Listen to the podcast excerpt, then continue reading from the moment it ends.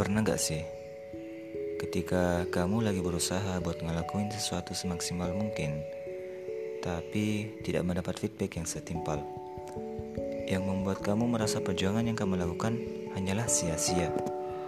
Dan akhirnya kamu memutuskan untuk stop sampai di titik itu.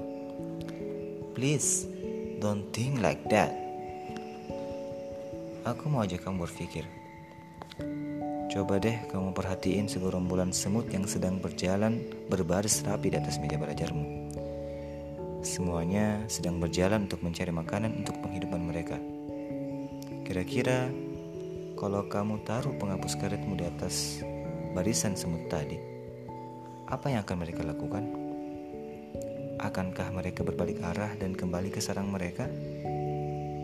Tentu tidak. Mereka akan mencari jalan lain demi menunjukkan apa yang menjadi tujuan mereka.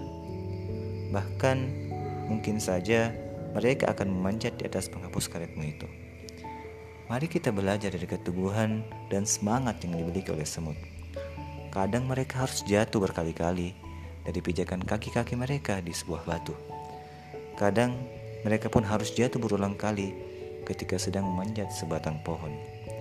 Tapi tidak ada ruang di benak mereka untuk berkata, I will give up. Why? Karena mereka percaya dengan diri mereka. Mereka sudah melewati obstacle ini kemarin, dan hari ini mereka yakin pasti bisa. Mereka sudah jatuh berkali-kali, tapi mereka percaya perjuangan mereka akan sia-sia ketika mereka memilih untuk berhenti. So guys, sebagai penutup, coba renungin untayan kata berikut ini. Bukan masalah besar ketika orang-orang tidak percaya kepada dirimu. Namun, akan menjadi masalah besar ketika kamu tidak percaya dengan dirimu sendiri.